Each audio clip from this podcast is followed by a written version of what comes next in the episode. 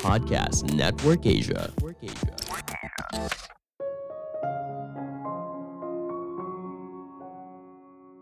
Sebuah perusahaan bisa besar apabila dibangun dari sebuah sistem yang kuat. Halo semuanya, nama saya Michael. Selamat datang di podcast saya, Sikutu Buku. Kali ini saya akan membahas kisah inspiratif dari McDonald, mulai dari para pendirinya hingga peran dari penerus yang membuat McDonald bisa seperti sekarang. Sebagai informasi, podcast Sikutu Buku sekarang bergabung dengan Podcast Network Asia dan Podmetrics loh. Sebelum kita mulai, buat kalian yang mau support podcast ini agar terus berkarya, caranya gampang banget. Kalian cukup klik follow. Dukungan kalian membantu banget supaya kita bisa rutin posting dan bersama-sama belajar di podcast ini. Mungkin kamu bertanya-tanya, siapa pendiri dari McDonald? Jika kamu coba mencari tahu, banyak yang mengasosiasikan pendiri McDonald dengan Ray Kroc. Tentu saja Ray punya andil besar dalam membangun McD sebesar sekarang. Namun yang kadang terlupakan adalah McDonald bersaudara bernama Richard dan Maurice. McDonald bersaudara inilah yang sebenarnya merupakan pendiri dari awal, namun sayangnya nama mereka jarang sekali disebut. Richard dan Maurice lahir dalam keluarga imigran miskin yang tinggal di pedesaan Amerika Serikat pada awal tahun 1900-an. Ayahnya bekerja sebagai manajer di sebuah pabrik sepatu, namun, terkena pemutusan hubungan kerja saat usianya 42 tahun karena dianggap terlalu tua oleh atasannya. McDonald bersaudara merasakan sendiri kesusahan hidup yang dialami oleh keluarga mereka saat ayah mereka dipecat. Mereka lalu bertekad untuk mandiri secara finansial dan tidak bergantung pada orang lain. Awalnya, McDonald bersaudara berbisnis di bidang entertainment. Mereka punya mimpi untuk memproduksi film sendiri. Namun di tahun awal, semuanya sangatlah berat. McDonald bersaudara harus bekerja kasar dan mengumpulkan uang sedikit demi sedikit demi mewujudkan mimpinya.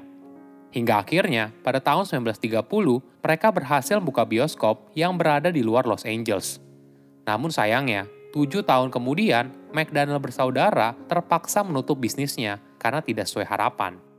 Kegagalan bisnis hiburan tidak mematahkan semangat McDonald bersaudara untuk berbisnis. Kali ini, mereka mencoba peruntungan dalam bisnis makanan. Gerai makanan pertama mereka tidak seperti McDonald yang kita kenal. Di tahap awal, gerai tersebut diberi nama McDonald Barbecue. Jadi, mereka menjual 25 menu dan menyajikan makanan kepada konsumen di dalam mobil. Para konsumen tidak datang ke restoran, namun para pramusaji yang dinamakan car hop akan mendatangi setiap mobil untuk melayani setiap konsumen.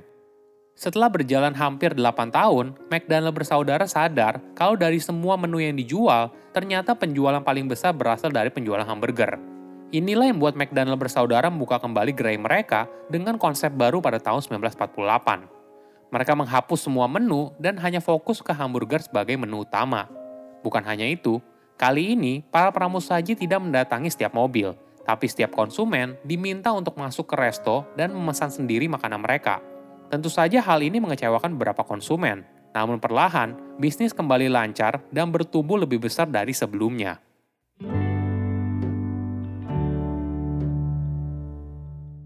Apa rahasia dari McDonald pada masa itu?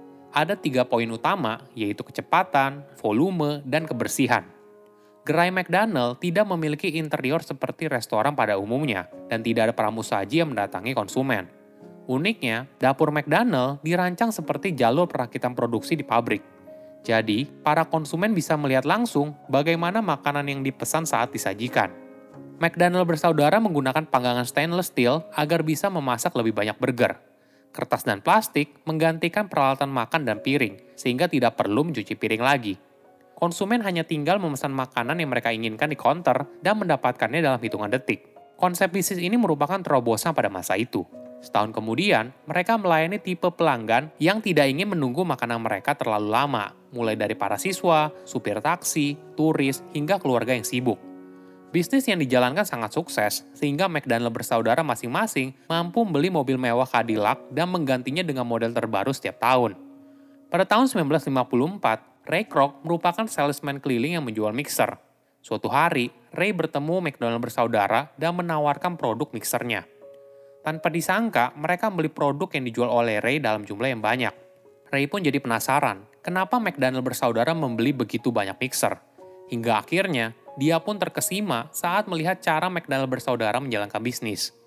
Ray pun memberikan saran kepada McDonald bersaudara agar bisa melebarkan bisnis mereka hingga ke seluruh Amerika Serikat. Sebagai informasi, saat itu McDonald bersaudara telah memiliki 20 gerai McDonald.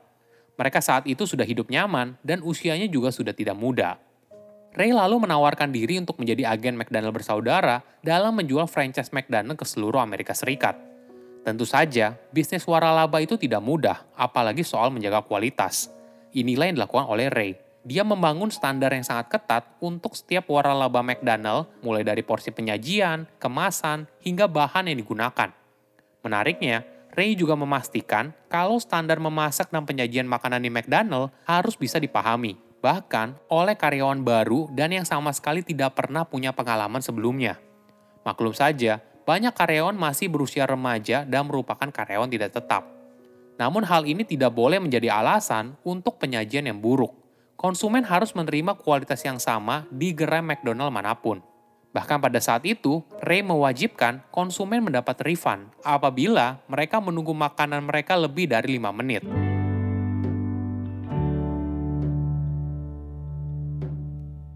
Pada tahun 1956, Ray mengalami kendala dalam mewaralabakan bisnis McDonald. Saat itu, perusahaan hanya mengambil 1,4% keuntungan dari setiap produk yang dijual oleh pemegang lisensi. Keuntungan yang sangat sedikit membuat Ray kesulitan untuk membuka gerai McDonald yang baru. Namun di sisi lain, dia juga kesulitan untuk menarik pemegang lisensi yang punya uang dalam membeli lahan dan membangun gerai McDonald di sana. Hingga akhirnya, dia bertemu dengan Harry J. Sonneborn, yang kemudian menjadi direktur keuangan dari McDonald. Harry memberikan perspektif baru bagi Ray dalam melihat bisnis McDonald. Harry menekankan kalau Ray tidak akan bisa membuat McDonald menjadi sebuah kerajaan bisnis jika hanya bergantung dari 1,4% keuntungan. Dia menyarankan Ray untuk membeli sebidang tanah lalu menyewakannya kepada pemegang lisensi dengan syarat mereka hanya bisa mendirikan McDonald di sana. Itulah yang menjadi game changer dalam bisnis McDonald.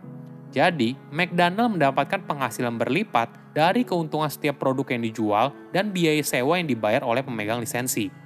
Bisnis model inilah yang kemudian buat waralaba McDonald berkembang sangat cepat. Pada tahun 1961, McDonald bersaudara akhirnya menjual kepemilikan mereka kepada Ray senilai 2,7 juta dolar.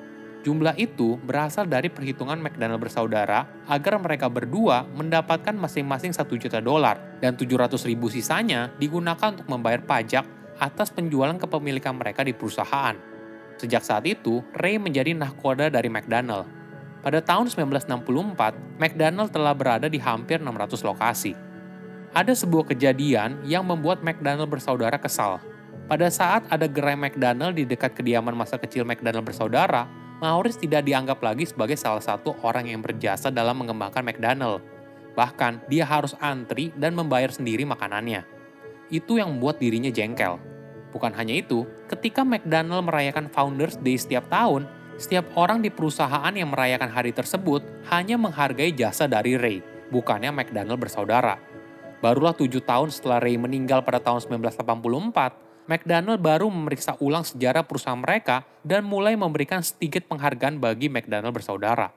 Sebagai contoh, pada tahun 1991, McDonald mengeluarkan iklan televisi yang menginformasikan kalau McDonald bersaudara sebagai pendiri dari McDonald.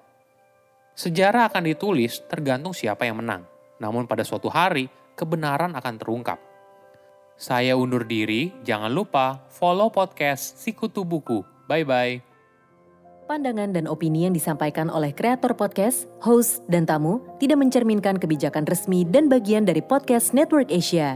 Setiap konten yang disampaikan mereka di dalam podcast adalah opini mereka sendiri dan tidak bermaksud untuk merugikan agama, grup etnik, perkumpulan, organisasi, perusahaan, perorangan, atau siapa pun dan apa pun.